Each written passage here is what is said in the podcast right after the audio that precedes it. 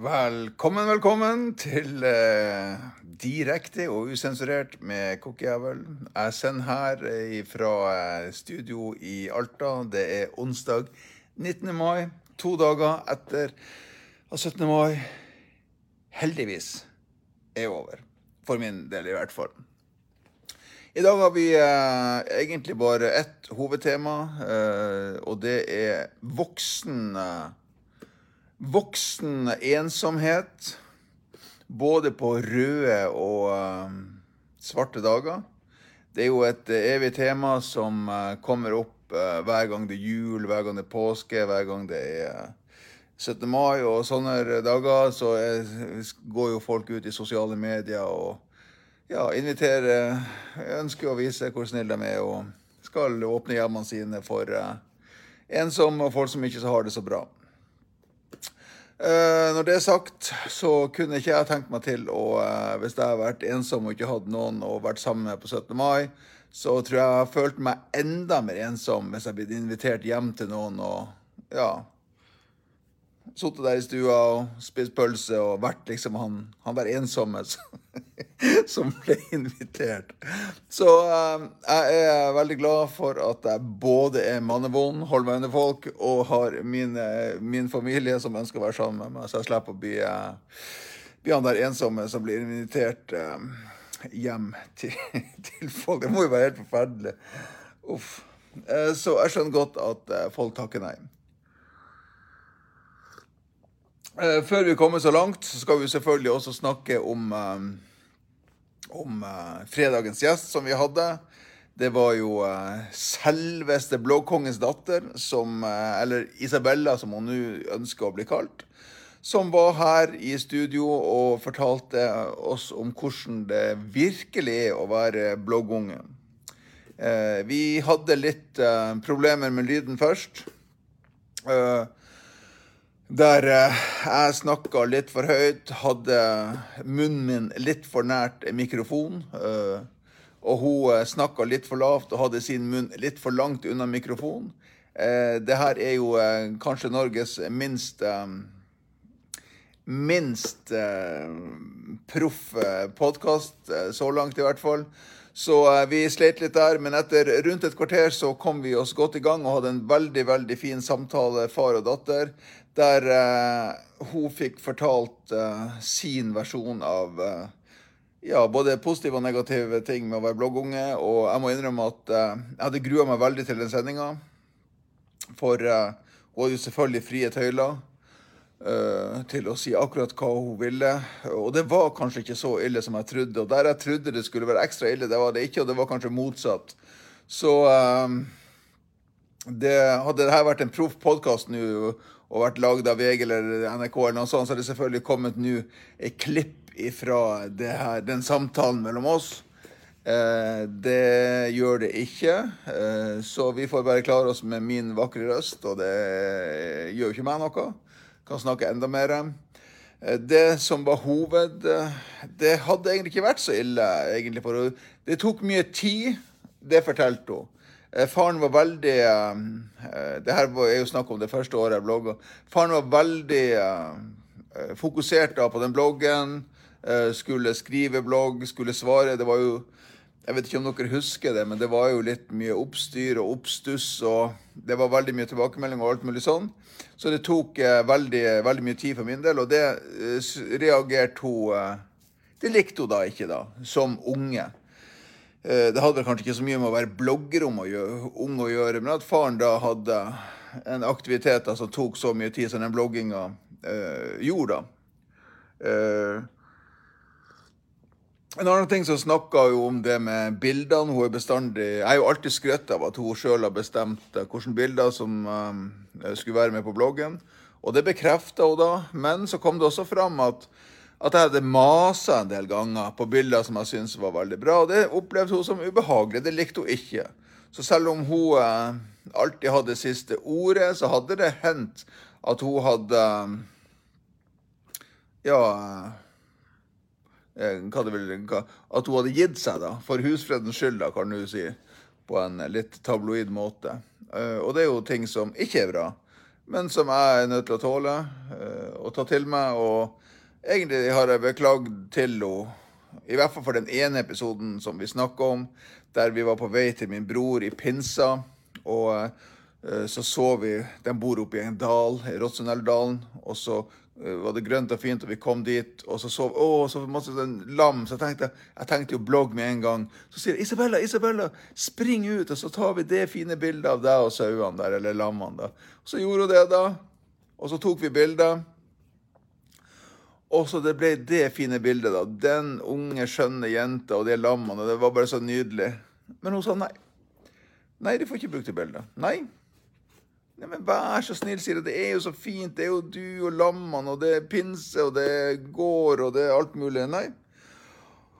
Og jeg maser et døgn. Til slutt så ga hun seg. Og um, det angrer jeg på. Og jeg da brukte det på bloggen, og, men angra, på det, da.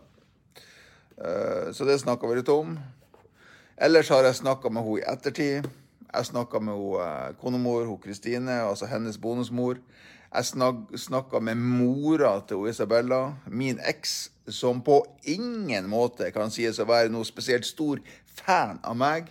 Eh, hun syntes også det var en veldig fin eh, samtale, og at hun, eh, Isabella fikk, fikk sagt det hun hadde å si. Nok om det. Nok om det. I dag er det ingen gjester, bortsett fra dere. Jeg har skrevet en blogg i morges der jeg sa, der jeg sa temaet for dagen, altså voksen ensomhet både på kalde og, nei, kalde og varme dager. Voksen ensomhet på kalde og varme dager. Voksen ensomhet på, um, på både røde og svarte dager. Uh, ensomheten blir liksom så uh, godt synlig. Det er lett å gjemme seg unna ensomheten kanskje i, i hverdagen. og Alle har nok med sitt, og det er trening og det er jobb og det er ja, fritidsaktiviteter whatever rundt omkring. Og det er liksom ingen som legger merke til det. Men eh, så kommer de røde dagene, det kommer 17. mai, det kommer jul og det kommer påske og alt mulig sånn. Og kanskje du, kanskje du merker dem spesielt godt sjøl. At du har ingen planer. Du har ingen å være i lag med, egentlig. Uten at det føles unaturlig. Og ja, du kunne kanskje ha ringt eller dratt dit, men det hadde bare blitt rart. Så ender det med at du bare blir hjemme år etter år. Og egentlig blir mer og mer lukka. Og det er klart at eh, å være ensom, det er tabubelagt det er tabubelagt. Det er vel kanskje mer tabubelagt enn det å være narkoman eller alkoholiker. Å være alkoholiker er vel kanskje det aller største tabuet vi har i Norge, bortsett fra ensomhet. Så, eh, og så har vi selvfølgelig dem som velger å være alene, i hvert fall på de her, eh, på de store dagene, sånn som julaften og 17. mai. Sånn som for min egen del, så eh, jeg hater å gå rundt i byen og si hurra, og jeg, klarer ikke det. Hurra, hurra! Gratulerer med dagen! Jeg! Så jeg er så glad for korona. Jeg er så glad for korona. Jeg slipper å gå rundt og si hurra, hurra. Hva er slags rar sjikt det der? Altså, gå i tog Gå i tog er greit nok, egentlig. Jeg har ingenting imot å gå i tog, og jeg har ikke sånn sosial angst. og jeg har noe jeg har ingenting imot å gå sammen med folk, men jeg klarer ikke å rope hurra! Jeg klarer ikke å rope hurra! Og jeg klarer ikke å si gratulerer med dagen, og jeg liker heller ikke å pynte meg, for jeg er bestandig så jævla feit! Åh, alt er så feit, bortsett fra tre-fire år siden. Da var jeg ikke det. Da så jeg skikkelig stram og flott ut i en dress, grov dress fra uh, Moose of Norway, et eller annet. Og Kristine hun syntes jeg var så fin, og jeg syns jeg, jeg var fin. Og jeg er riktig snasen mann. Men det er mange år siden. nå. hvis noen har noe å by på, så er det selvfølgelig direktesending som vanlig her. Og jeg har fått beskjed om at jeg ikke må klø meg i skjegget. Gjør jeg det? Klør jeg meg mye i skjegget? Det blir så stygg lyd, sier de. Men jeg føler ikke at jeg klør. Jeg klør meg mye i håret, men det blir ikke så mye lyd. Og så har jeg fått beskjed om at man ikke skal drikke kaffe når man har eh, podkast. Eh, det må jeg bare beklage. Det blir jeg å fortsette med. Eh, det, det, det, er En av de positive tingene med å liksom være sånn uprofesjonell, det er jo det at man egentlig kan gi seg blanke faen i hva de andre gjør. Så inntil VG eller Dagbladet eller uh, NRK eller hva, de nå heter, alle sammen, oppdager meg Skal litt til, da. så blir jeg både drikke kaffe, jeg blir å drikke Solo Super, og jeg blir å klø meg i håret. Jeg blir å klø meg i nesen. Ingen som ser meg likevel. Kan klø meg i veggen, altså. Takk, Vibeke Dambak. Bare drikk kaffe, du. I will. Skal vi se. Da skal vi se. Hun, eh, Lene Renate Hanebø sier eh, Dere som er nye i denne podkasten, showet blir liksom spilt opp live på Facebook, og så er det liksom eh, Er det liksom eh, direkte kommunikasjon med seerne. Eh, hun Lene Renate Hannebø sier så enig med deg. Var så glad når guttene ble store at jeg slapp unna 17. mai. Ler så hun gråter tre ganger. Så artig var det nå ikke. Uh, og Kari Østfold sier man må ha kaffe. Alt det har faktisk lagt merke til at på Hva heter det store programmet på NRK? Uh, timeglasset? Nei, norgesklasse. Uh, eller det som er på morgenen. Jeg har vært gjest der. Jeg var det, et eller annet så stort glass. Nei, stort glass, stort program på NRK. Der satt han jo faen meg og drakk kaffe i bade, både eningen, så da gjør jeg òg det. Torgeir Sandi, mamma sier Asbjørn, da. Monica, Ant Monica Antonsen sier 'herregud, klø deg hvor faen du vil'. Drikk kaffe og drikk Solo. Uh, Lennart, drikk ja, hva du vil og klø deg hvor du vil. Det er jo det som er ekte. Men i hvert fall Nå skal vi gå videre. Og, og de jeg har tre, det kommet inn tre sånne veldig gode tilbakemeldinger på bloggen. Så jeg tenkte jeg skulle lese opp for dere både det de har skrevet, og det jeg har uh, svart. Liksom bare så vi har det til ettertanke, da.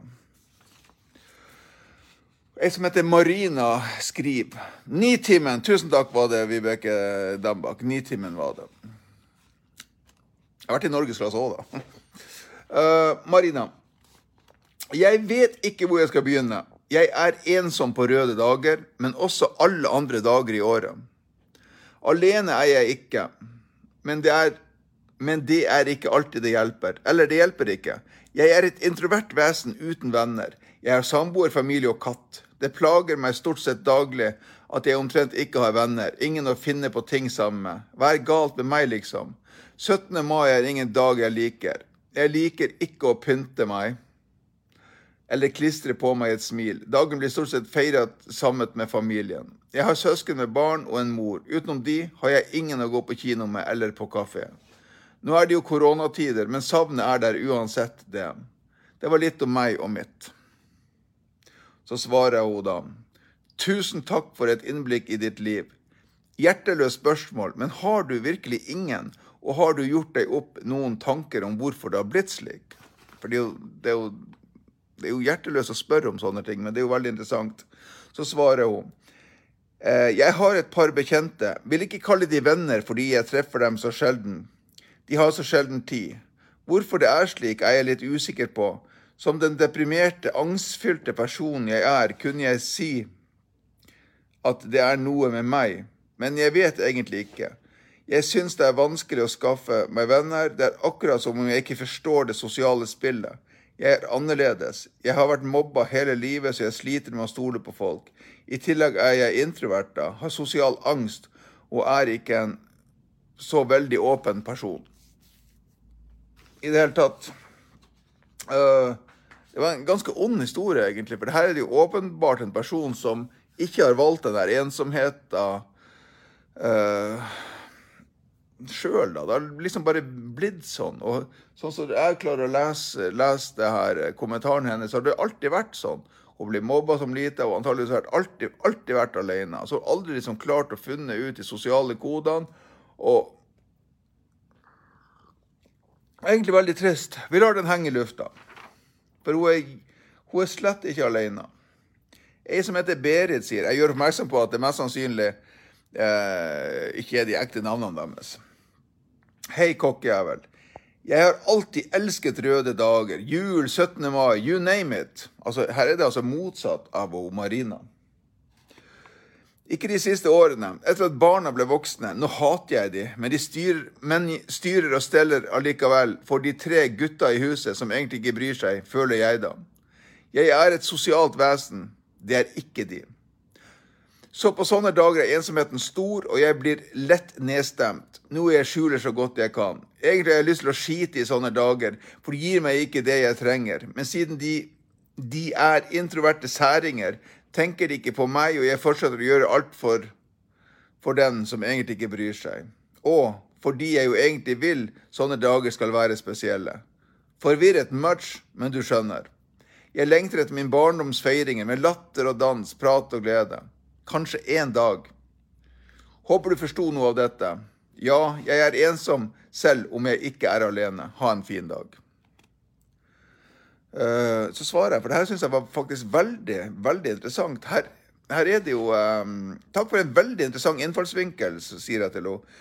Forstår jeg deg riktig når du sier at du er sosial, men de er introverte, og deres livsførsel har gjort selve familien ensom etter hvert som årene har gått? Så svarer hun meg, ganske så riktig, ja. Og selv om jeg er sosial, trives jeg også alene, men ikke på sånne dager. Ikke har vi utvidet familie her vi bor heller, så, så lett er det ikke. Min slekt er mange mil unna, så jeg kan jo ikke bare stikke til de på sånne dager. Vi spiser middag sammen, som jeg lager, og går hvert til vårt etterpå. Vi har en datter også, men hun bor i Stockholm. Normalt hadde hun blitt mitt lyspunkt på sånne dager. Livet er ikke enkelt, smilefjes. Nei, livet er faen ikke enkelt. Her er det jo en familie som eh, Ja, det virker som at uh, faren da går ut fra at det er mor og far og barn da. At de, de var jo liksom blitt store. For når ungene var små, så var det mer fres og liv og sånn. Men nå uh, er, er de bare introverte og vil holde seg for seg sjøl og uh, Ja. Dere kan gå inn på bloggen og lese, lese de her for dere sjøl også, så ser dere det med egne ord. Her er, jeg skal ta med en siste her. Og det er noen som har kalt seg for Kven eller Kven. Som har også en veldig sånn Jeg skal ikke si fin, for det er jo triste greier, altså. Å være sin egen aller beste venn og sin egen mest forhatte fiende, fy søren for et kaos, er veldig ofte min egen bestevenn og trives godt i eget selskap. Fallhøyden blir likevel blir liksom ikke så stor da, men ikke alltid. Når jeg da kjenner på ensomheten, ender jeg veldig dypt i kjelleren. Å sitte alene som nå 17. mai, verste dagen på evigheter. Da var det rart jeg ikke gikk tom for tårer. I ensomme stunder som blir depressive, kommer gammel dritt og forsterker situasjonen. Du er mislykka, du Amod florerer, fort i hodet, og styggen på ryggen drar ned enda dypere. Jeg har en flott familie og kjæreste, og kjæresten vet en del og støtter meg blindt. Familien vet lite, da jeg ikke ønsker sympatisøte.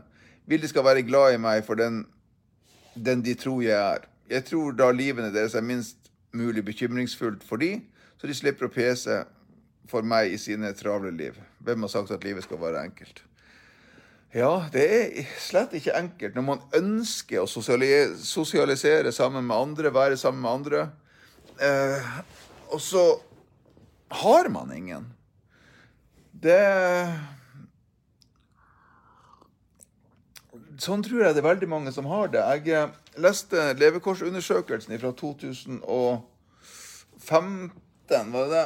Jeg husker ikke, det var i hvert fall den som ikke er så lenge siden. Det, den sa at 800 000 nordmenn, eller nord, nordhen, som jeg begynte å kalle det, for å være litt sånn uh, politisk korrekt. Jeg kan også være politisk korrekt. for Vi kan ikke si hun eller hun eller han, og nordmenn blir feil. Men nordhen må jo gå an å uh, si uten at noen skal bli støtt. Nå når det i denne dag blir kjent at det skal bli lov å, uh, heise pride på rådhuset når det er 17. mai.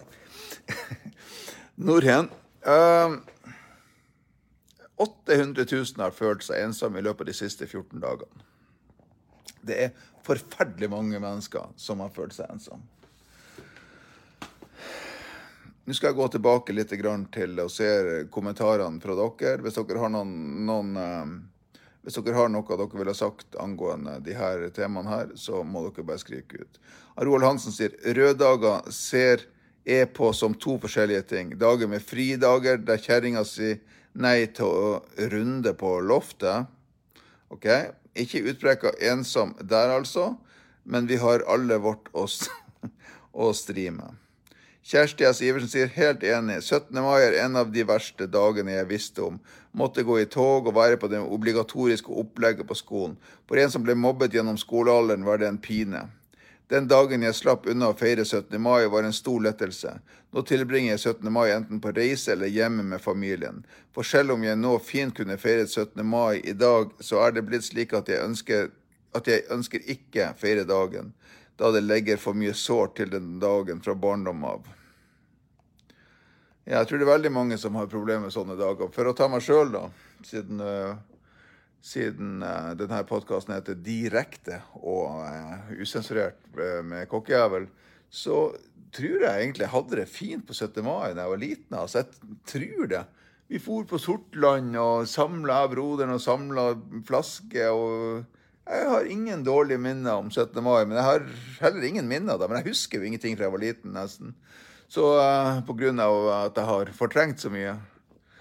Så jeg vet ikke når jeg liksom ikke slutta liksom å like men, men det her med å være glad sammen, det å feire i lag, det har jeg, eller trist i lag jeg var f.eks. etter 22. juli Du så ikke meg i de her fakkeltogene. Eh, der vi liksom skulle fære rundt og vise uh, trist, trist uh, hvor trist vi var. Det Nei, jeg, jeg klarer ikke de store Jeg klarer ikke å enten være trist eller glad eller lei foran så masse mennesker. Jeg ønsker ikke det. Jeg, jeg, jeg, fatter, jeg forstår ikke. Jeg får det ikke til. Jeg får ikke til å formulere det engang. Uh, Lillian Knutsen sier 'luft litt approb til en og annen'. Om ståa. En pressa en gang. Luft litt av Og ja, problemet til en eller annen om ståa. En pressa en gang at 'vet om noen som ikke har det greit', ring på døra med en oppmuntring. Blomsjokolade, mat har tatt med meg videre i livet. Så godt å være til noen ganger. Ja, men ønsker de egentlig det? Jeg er faktisk ikke helt sikker på det at folk som ikke har det greit Hvis du, Lillian Knutsen, ikke hadde hatt noen å være sammen med på 17. mai, hadde du likt det at en random person hadde ringt på døra og sagt her har du en konfekt, du som er så ensom forsmådd og, og ikke har noen å være sammen med i dag. Hadde du Jeg er ikke, jeg er ikke helt sikker på det. Jeg sier ikke det for å være frekk, jeg sier det for å skape diskusjon. Ønsker folk som har det vanskelig sånn, Du ser jo de her sånn de her som sier at de vil ikke engang fortelle familien sin det her. Det er så tabubelagt at, at de vil ikke fortelle familien. De er redd for at familien skal Ja, De vil ikke si det til noen. Vil de da at det skal ringe på døra? Jeg, jeg, jeg, tror ikke det. Altså, jeg tror ikke det, men det, det kan godt være at jeg tar feil. Det, og, og, selvfølgelig kan det være at noen, noen hadde satt pris på. Hadde dere satt pris på det? Jeg er helt sikker på Er det noen som Dere trenger ikke å si om dere er ensomme eller sliter, eller noe sånt. Det skal dere slippe. Men hadde dere satt pris på hvis dere hadde vært det? Kan vi si det på den måten? Hvis noen av dere sitt, hadde satt for to dager siden på 17. mai, satt ufrivillig alene og hadde lyst til å være sammen med noen, for det er jo mange som er alene har lyst til å være alene på 17. mai. Men sitt ufrivillig. Hadde dere, hadde dere likt at, det, at, noen hadde ringt og invitert dere eh, hjem til seg, eller kom og ringt på, kommet, folk som dere egentlig ikke kjente, eller Hadde dere likt det? Det er jeg faktisk interessert i å få svar på. Hadde du så Hvis du sitter ufrivillig ensom, ville du at jeg, ville du at jeg skulle ha ringt? Hvis, hvis du hadde bodd oppe i gata her, og så ville du at jeg skulle ha ringt på? Hei, jeg har med noe, jeg har med noe pakke pølse som jeg tenkte vi skulle grille, og en par pils. Jeg mener pølse og noe pils som jeg tenkte vi kanskje kunne knerte sammen, har du. Men jeg er bare 14 år, sier hun. Ja, men herregud. Du har da fått bryst? Du kan vel knerte noen pils? Du har fått bryst, sier du. Ja, sånn er det. Uh, Tone Rosvold sier syns at Lillian Knutsen hadde veldig fine ord der, så ja, kunne ønsket det. Uh, ja, du kunne ønsket at uh, Ring på døra med en oppmuntring. Blomst, sjokolade, mat etc. OK? Er det noen andre som kunne tenkt det samme?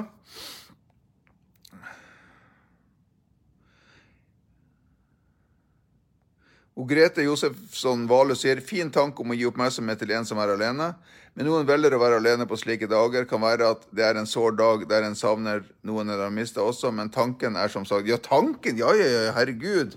Tanken er god. Tanken er god, men, men eh, det, er ofte, det, er ikke alltid at en god tanke samsvarer med, med, med hvordan det blir Jeg hadde hata det, for å si det sånn. Eh, skal vi se. Heidi Merete Olsen sier Blir trist når jeg tenker på foreldrene mine som ikke er der mer. Uh, da blir jeg nedstemt, men har den egenskapen at jeg ser lys på livet, selv når helsa pga. ulykke er skral. Aldri blitt mobba, og det kan jeg takke bygda i Rossenell for. Ja, du har vel hørt fra Hanne det fine miljøet vi har hatt her i bygda. Uh, ja hun, Jeg er helt sikker på at det er noen som blir mobba i Rådsundelva også, skjønner du. Det, I alle sånne, alle sånne bygder så er det dem som trives, de har det fantastisk godt, og dem som ikke trives, de har det ikke det. Det er mulig at jeg feiler, altså. Jeg kjørte uh, Har hatt ei ensom datter i byen tidligere, men etter mange år fant hun sin arena. Uh, mannen min sier kan skjønner ikke hvor knappen min er som klarer å legge det tunge bak meg, men er bare sånn. Kanskje ønsker bare å være glad selv med all motstand man har opplevd. PS. Ikke så glad i 17. mai, men er noe sosial.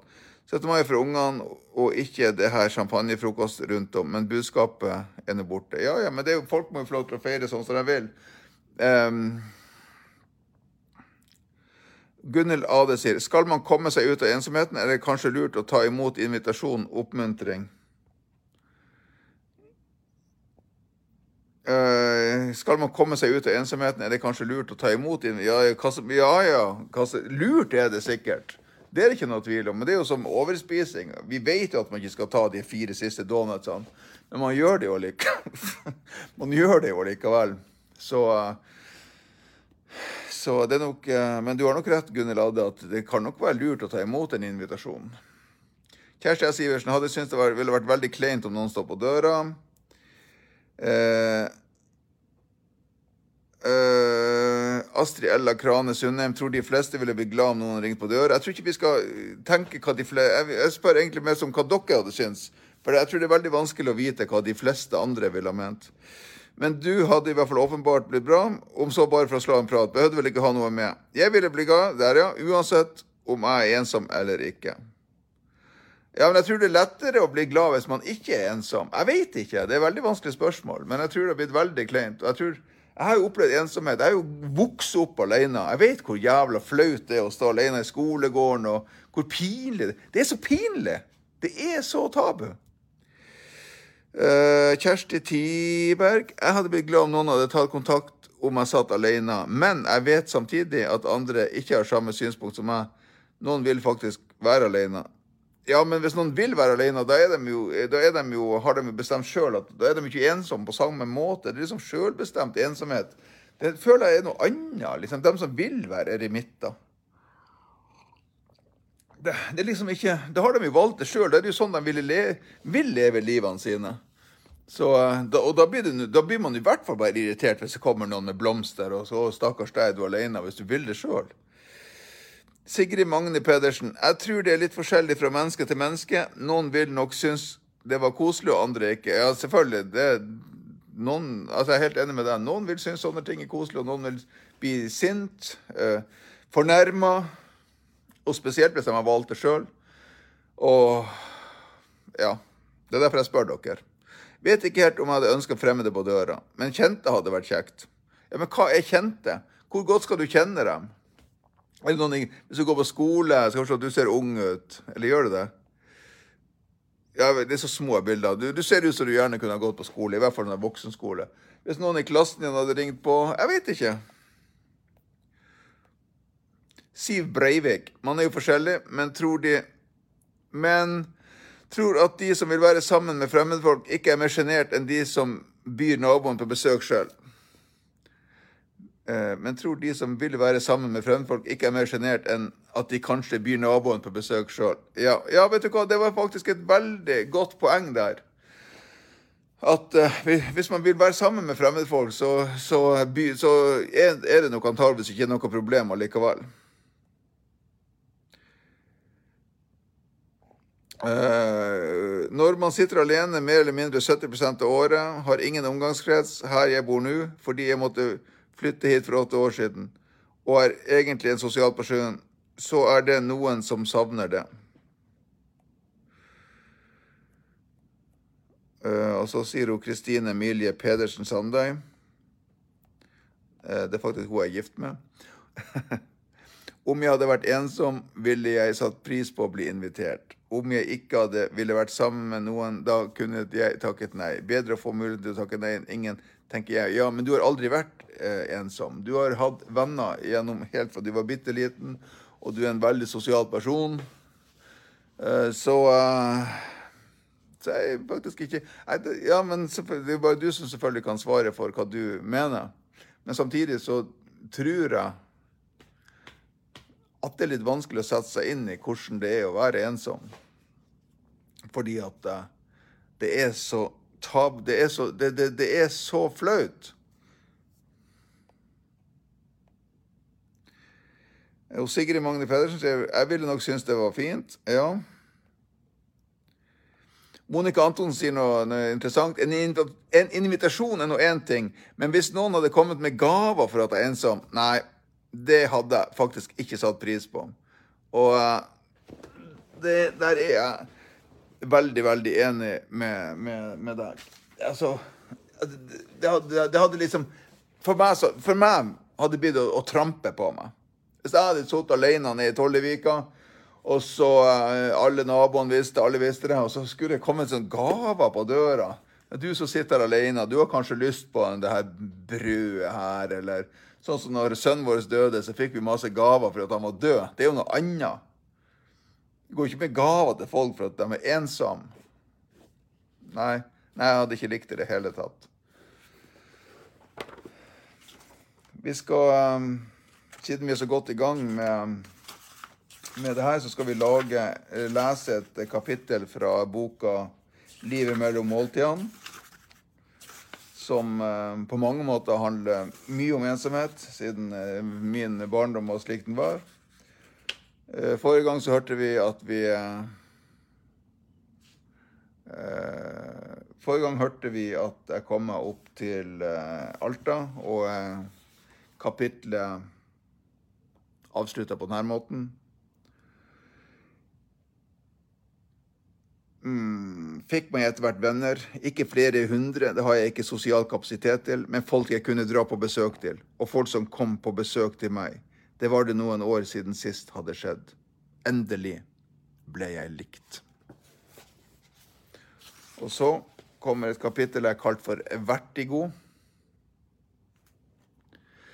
Vertigo, det er jo eh, den, eh, den tilstanden som skjer i et fly når du ikke vet forskjell på opp og ned. Du tror ikke lenger hva som skjer. Du vet ikke lenger hva som skjer. Altså, Du vet ikke hva som er opp eller ned, hva som er hav eller himmel.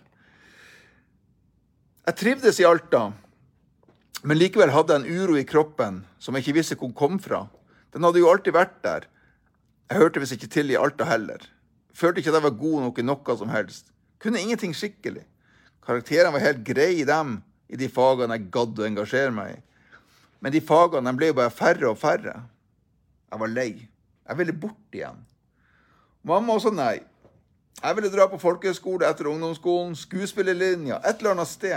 Jeg husker ikke hvor, men tror ikke det var så viktig for meg heller. Ville bare bort og bruke den kreativiteten som vokste i meg som et slags foster. Men det ble nei. Ingen nåde. Allmennfag. Det ble et sosialt år. Jeg hadde det ofte veldig artig på skolen, men faglig var det en tragedie. Jeg jobba nesten ingenting med skolearbeidet, og karakterene ble deretter. Jeg fikk ikke stryk, men det var langt fra bra nok hvis man hadde som mål å bli noe. Det hadde det, og det hadde jo ikke jeg. Jeg bare var. Og mamma ble etter hvert ferdig med sosionomstudiet og fikk seg jobb i Vesterålen. Jeg var 17 år gammel og hadde to år igjen av videregående. Jeg ba om å få bli boende i Alta, leie meg en hybel eller noe. Jeg hadde jo jobb ved sida av skolen, så penger til husleie ville jo ikke bli noe problem. Og dessuten så var jo faderen død, så jeg hadde jo sånn, uh, arva noe 100 000 eller noe sånt i en sånn, uh, slags båtforsikring. Jeg ville klare meg sjøl, og ville for alt i verden ikke tilbake til Vesterålen. Mamma satte igjen foten ned og endte på en liten hyvel på Sortland. Tilbake til start. Det eneste lyspunktet det året var de gangene jeg brukte opp alle pengene mine i telefonkiosken for å ringe vennene mine i Alta. Da jeg fylte 18 år, satte jeg meg på mopeden jeg hadde kjøpt av bror min, og flytta tilbake til Alta. Jeg kunne ikke være alene hele tida lenger. Så da for jeg opp til Alta. Og hva som da skjedde, det får vi høre om på fredag. Men jeg kan hinte om på, frampå at det har med underlivet å gjøre. det ble i hvert fall unger. Nei, eh, så sånn er det med den saken. Og Tone Rosvold sier man trenger ikke gaver, bare litt sosialt samvær når man er ensom. Det er vel litt forskjell, det også. Og Lillian Knutsen sier for meg handler det ikke om gaver, det handler om hjerterom. Vil ikke tråkke på noen. Nei, det er akkurat det, man vil ikke tråkke på noen. Og det, og det skrev jeg vel også om i boka, om å stå alene der på den uh, skolen. Til slutt er det liksom ingen som vet som, uh, hvordan man skal ta kontakt. Ikke han som står alene, og ikke dem rundt. For det er liksom Ja, man vet ikke hvordan man skal bryte den isen der. Rigmor Nilsen sier det kunne jo være greit i disse koronatider å ta en telefon og høre om det passer at jeg kommer uten å være invitert. Det samme gjelder også å ringe og spørre om jeg kan komme innom. Ja da, altså det er mange måter man kan, uh, man kan gjøre det på. Men det er klart at hvis det er masse, masse år siden uh, Jo, men jeg tror kanskje, det er kanskje lettere å ta, å ta, kontakt med folk utenom de store røde dagene. Sånn som, det er derfor jeg tar opp det her temaet nå, etter at 17. mai er over og sånn. Fordi at det er kanskje lettere å ta kontakt med noen som man vet er ensom utenom røddagen. For, for på selve røddagen så passer det kanskje verken for, for verken den ensomme eller for deg, da. Men, eh, men eh, hvor mange røddager er det i løpet av eh, et år? Det er ikke så mange, men det er ganske mange svarte ensomme dager. Så jeg er helt enig med deg. Det går faktisk an å, å ta kontakt ellers i, i året. Nei, Gunnhild Adde hvordan komme seg ut av ensomhet nå når man aldri takker ja til invitasjoner? Uh, Nei, men for det første så er du, er du, er du ikke nødvendigvis å takke ja til invitasjoner på de store røde dagene. Altså sitte til spott og spe i ei stue et sted eh, fordi at det er en rød dag, ja, det hadde jeg aldri klart. Men hadde det vært en tirsdag i oktober, så hadde det kanskje vært lettere. Kan man ikke invitere meg en tirsdag i oktober eller en dag i, i, i november? Går ikke det an å gjøre? Da er det lettere å takke ja til de invitasjonene. Eller bare en, en, en grillettermiddag en gang. Det trenger ikke være noen så stor anledning. Tenker jeg, da. Uh, og Liss Juliussen sier det er bedre å være ensom når man er alene, enn å være ensom i lag med noen. Ja. Og Tove Lervik sier ha det. Må inn på jobb nå. Kos deg på jobb. Og Heidi Merete Olsen sier fikk boka di i julegave og kan faktisk forstå det følelseskaoset i livet ditt. Sitter i sola og skriver på PC, så ser ikke alltid hva jeg skriver. Nei, det er greit.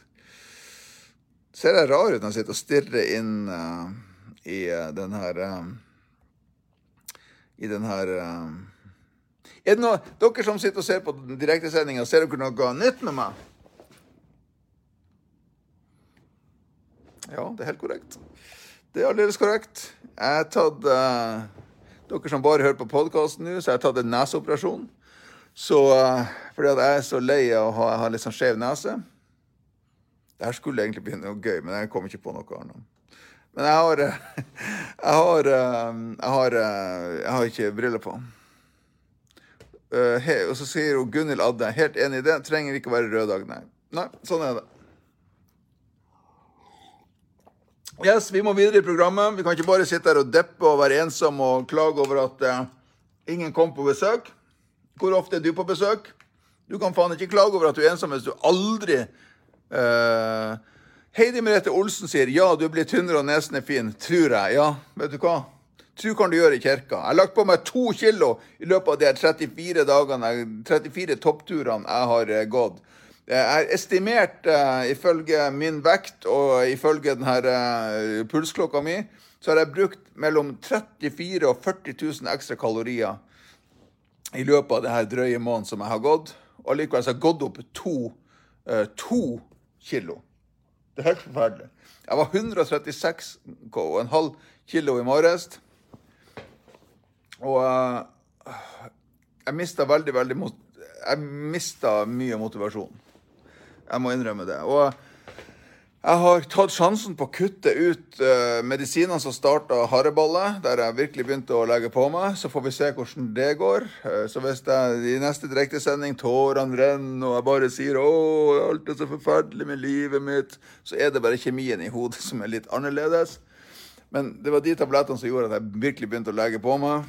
Og ja da, det hjelper jo selvfølgelig ikke at man et mellom to og tre kilo middag uh, hver eneste dag på kveldene. Det hjelper jo ikke. Det hjelper ikke å drikke øl. Det hjelper ikke å spise barer. Det hjelper ikke å uh, sånne bananer. Dere vet de er der. Og dem har jeg begynt med etter at jeg begynte å gå. Jeg spiser en to-tre bananer om dagen. En to-tre barer. Så uh, det har jeg kutta ut. Så Og ikke minst kaker og krem. Og kremkake. Så det skal jeg også prøve å kutte ut. Så jeg skal fortsette å gå. Jeg skal ikke gi opp. Men men uh, det var litt demotiverende. Det følte, I begynnelsen så følte jeg liksom at uh, at jeg liksom hadde mista en sånn valg. Jeg har ikke så mye valker, skjønner dere. Jeg er mer sånn fast i fisken.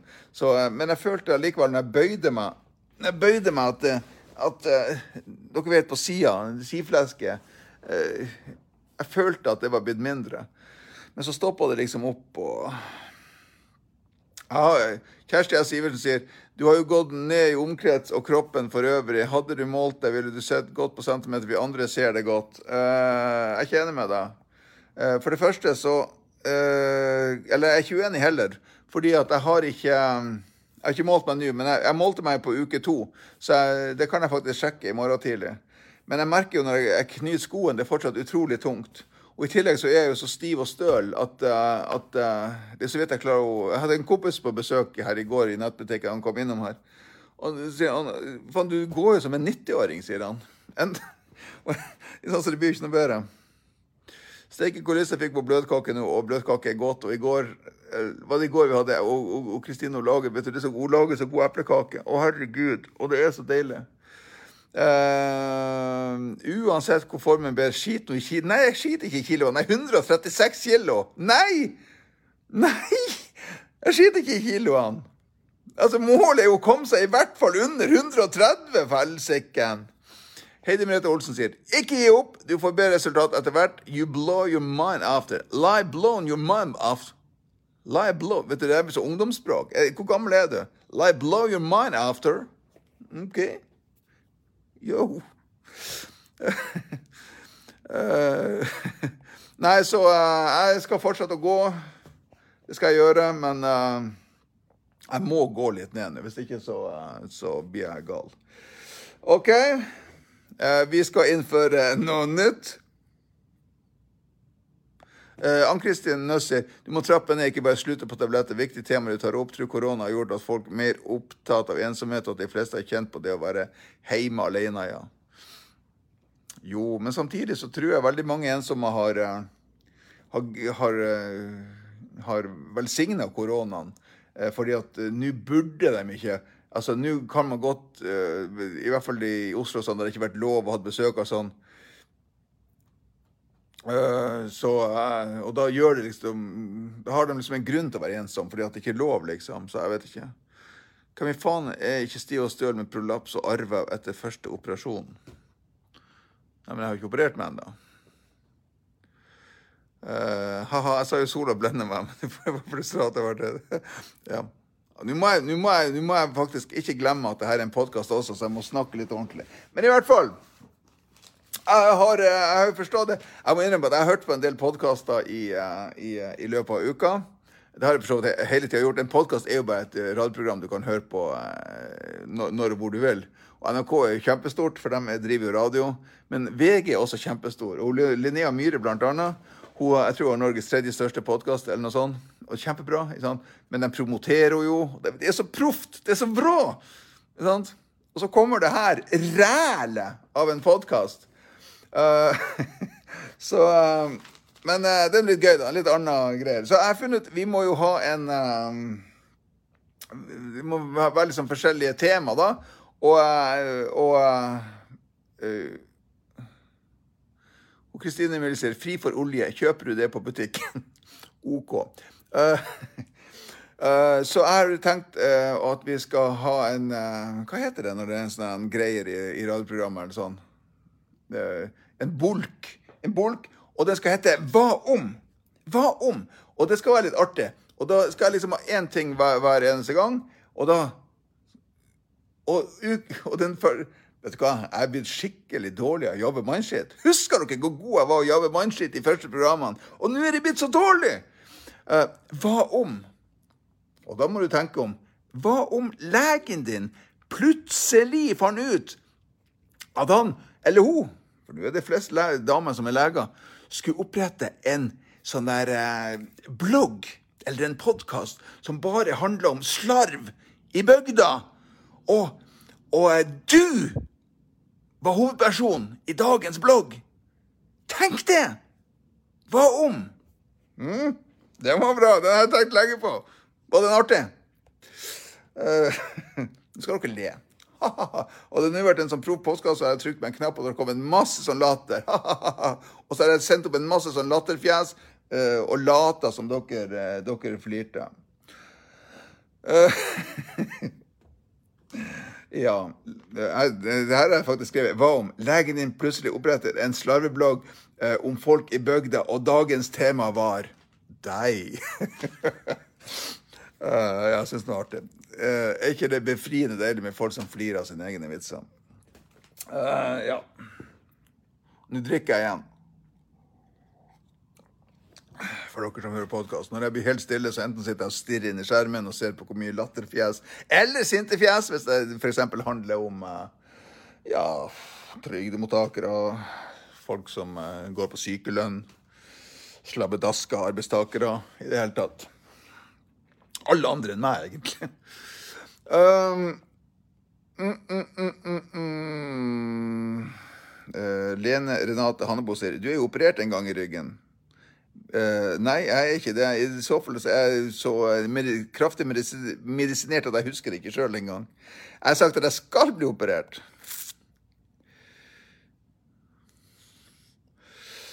Skal vi se her uh, Gunhild Adde skriver da hadde jo legen mista jobben. Ja, men det gjør jo ingenting, for han hadde slått seg opp på blogg og fått med seg penger på blogg og podkast. Ikke sant? Altså, de legene de tjener jo ingenting i forhold til en slarveblogger. Hva dere tror? Skal vi se. Ja, og så var det dambaraba, dambaraba, uh, Det her var altså jinglen til um, eller introen da til kulinariske tips og triks. Jeg har jo ikke noe miksebord, så jeg må jo bare bum, bum, bum. Og eh, dagens kulinariske triks er faktisk så enkelt at Jeg syns det var litt artig. Dagens, kulin dagens kulinariske triks er følgende. Det handler om grovbrød. Ja da, alle vet at man skal elte brødene uh, alle vet at man skal elte brødene godt uh, for at uh, der uh, skal liksom bli binde opp, og, og, og, og gjæret skal bli gass, og det skal bli fanga inn i gluten og alt mulig sånn. Men har dere merka at dere har gjort alt riktig? Dere har gjort alt riktig, Men allikevel så blir grovbrødene deres tørre. Mm, ja, dere har det. Det tror jeg 95% av dere faktisk får. Tørre grovbrød. Eh, selv om dere gjør alt riktig. Og vet dere hvorfor det? For å bruke det grov mel, så er dere nødt til å la eh, melet ligge i væska i en time først. Sånn at hvis dere bruker sånn, eh, hva heter det, kli og grovmel og samalt mel og sånn, så må væska Den klien vil jo på et eller annet tidspunkt trekke til seg den væska i, i, i brødet uansett. Og da er det mye bedre at du gjør det før du steker brødet, i stedet for at det skjer etterpå. ikke sant? Så alltid tilsett um, uh, uh,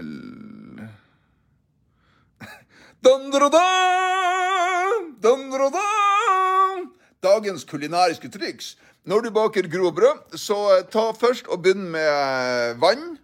Nei, grovmel. Og så lar du det ligge i vann før du går videre. Og trekk inn Uh, trekk inn så mye, mye, du kan i løpet av uh, en, uh, en time. Og så før du tilsetter hvetemelet. Les mer om det på bloggen, for jeg kjenner at jeg stotrer. Og enda jeg ikke har tatt tabletter, jeg slutta med nesten alt av tabletter, ikke drikker, ingenting, så klarer jeg faen ikke å snakke tydelig. Vi går over til neste Vi går over til neste tema. Vi går over til neste tema. Kjersti Iversen sier Du reiser til UNN for å bli operert, så blir operasjonen avlyst. Ikke bare å få med seg de få påstandene om det. Derfor tror nok folk at du er operert. Uh, ja da, jeg skjønner jo det at folk Jeg skjønner jo at ikke folk leser absolutt alt jeg skriver. Apropos leser det jeg skriver. Vet dere hvordan Nei, jeg kan ikke ta meg øl før jeg kommer ned fra fjellet. Uh, vet dere hvilken bloggpost som er den minst populære bloggposten, som er den minst leste bloggposten jeg noensinne har skrevet? Prøv å gjette. Prøv å gjette hva som fenger folk aller, aller, aller minst, siden jeg oppretta denne bloggen. Ja, jeg hører ingenting, men jeg kan fortelle dere det med en gang, siden eh, klokka går ifra oss. Det er faktisk bloggposten om ensomhet på røde dager. Det er faktisk nesten ingen som har fattet interesse ved det. Jeg vet ikke om, eh, om temaet er uinteressant, eller om det er flaut å trykke på, eller om vi rett og slett ikke er interessert i det. Jeg vet ikke. Jeg vet bare det at uh, at uh, det var nesten ingen som trykte på den bloggposten. Jeg har aldri opplevd å få så lite lesere noensinne på ett og et halvt år. Det kan jo selvfølgelig være at folk bare 'Jeg klarer ikke mer kokke! Gud, det er aller siste bloggpost jeg klarer å se!' Det kan være.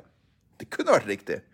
Hadde ikke vært at den bloggposten jeg la ut etterpå, noen timer etterpå angående masse eh, eh sånne eh, stemorsblomster i en isoporkasse, fikk dobbelt så masse, så hadde jeg kanskje trodd at folk bare var så fette lei meg at de ikke gidder å lese. Men Så ja, vi, Olene Renate Hannebø sier vi har venta på livesendinga. Ja, ja, men det Uh, ja, det kan være. Men uh, normalt sett, hvis man er så interessert at man sitter og venter på ei livesending, så vil man kanskje benytte noen av de timene uh, til å kanskje lese bloggen som livesendinga skal handle om. Jeg vet ikke. Og så sier du Kjersti S. Iversen, du rører med ting som folk ofte ikke vil prate om. Jeg, vet du hva, jeg tror faktisk det også. Man vil, man vil, bare ikke. Det samme, Vi vil ikke vite om alt det fæle som skjer på andre kontinenter, overgrep og Uh, alt mulig. Vi bare skyver det vekk. Vi vil ikke lese om det. Hvis det ikke er så tåredryppende grusomt, for da, da, har vi faktisk lyst til å, å lese om det allikevel. Når det blir så, sånn som Alvedal-saken, f.eks. Det, det ble bare liksom så groteskt at vi måtte bare få med oss alt. Eller han eh, Josef Frydsel. Uh, uh, Heidi Merete Olsen sier nei, vi er ikke lei, bare ikke fulgt med hver dag. Nei, nei, men poenget mitt var bare det at uh, akkurat den bloggposten Det var liksom ingen som så den. Og, sånt, og det er jo, uh, Den fatter ikke interesse. Og det er jo Facebook som bestemmer hvor mange, hvor, hvor mange som skal se de her bloggpostene, for jeg legger dem ut på Facebook. Uh, og hvis få som, hvis det får som leser trykkeriker og sånn, så finner jo eh, Facebook ut at det her ikke er interessant, og da er det jo til slutt er det ingen som ser den. Så hvis det ikke blir populært med en gang, da er det ingen som ser den. Da forsvinner den bare borte. Og det skjedde med denne bloggposten. her, og Det har aldri skjedd så fort før. Og det, jeg syns det var sånn rart, for jeg trodde jo faktisk at et temaet her skulle være interessant for veldig mange. For jeg syns jo det her er et, et stort tema som rammer så en femtedel av befolkninga, faen. Jeg kunne fått 800 000 potensielle lesere, i hvert fall. Men ikke engang de ensomme trykte! Helvete! Ensomme! Dere må jo trykke! Her tar jeg opp problemene dere prøver å sette søkelys på det. Så jeg kommer jo faktisk med ei eske kompakt til dere ensomme her nå. Men tar dere imot? Nei, ikke faen. Dere sitter inni den kroken deres. Dere må jo faen meg bidra, dere også, hvis dere skal komme dere ut av ensomheten. Ja. Heidi Merete Olsen sier ja, det er merkelig, for det er mange som er alene og ensomme. Men nå har vi lært at det er faktisk eh, For de ønsker å være det. Nå prøver jeg faktisk kokkejævel. Sjølveste kokkejævel. Hans kulinariske høyhet å ta, ta, grep om det her og føre dem ut av ensomheten eh, i en lang, lang, lang hvit rekke. Og da tar de faen ikke imot. Uh, Liss Julesen sier det er så jævlig vanskelig å lese når man sover. Så jeg får gå inn og se at ja, ja men det er ikke snakk om akkurat du, Luss Juliussen. Liss Juliussen. Det er jo ikke det at jeg ser spesielt at du ikke har sett, og tenker, herregud, det er ikke populær lenger. Det er ikke sånn det foregår. Det var bare så mange som ikke leste. Uh, ja. Sånn er det. Da, kjære venner Dere er jo mine venner, så jeg blir aldri ensom. Uh, Veronica Eikvik uh, Veronica uh, Volab sier. De eneste som holder seg unna sosiale medier siden der alt malt rosenrødt. Det kan være.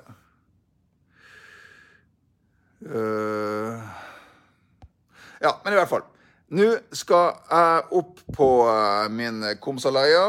Jeg har sendt mail til, uh, til, uh, til museet for å høre om vi kan ha livesending fra Helleristningsfeltet.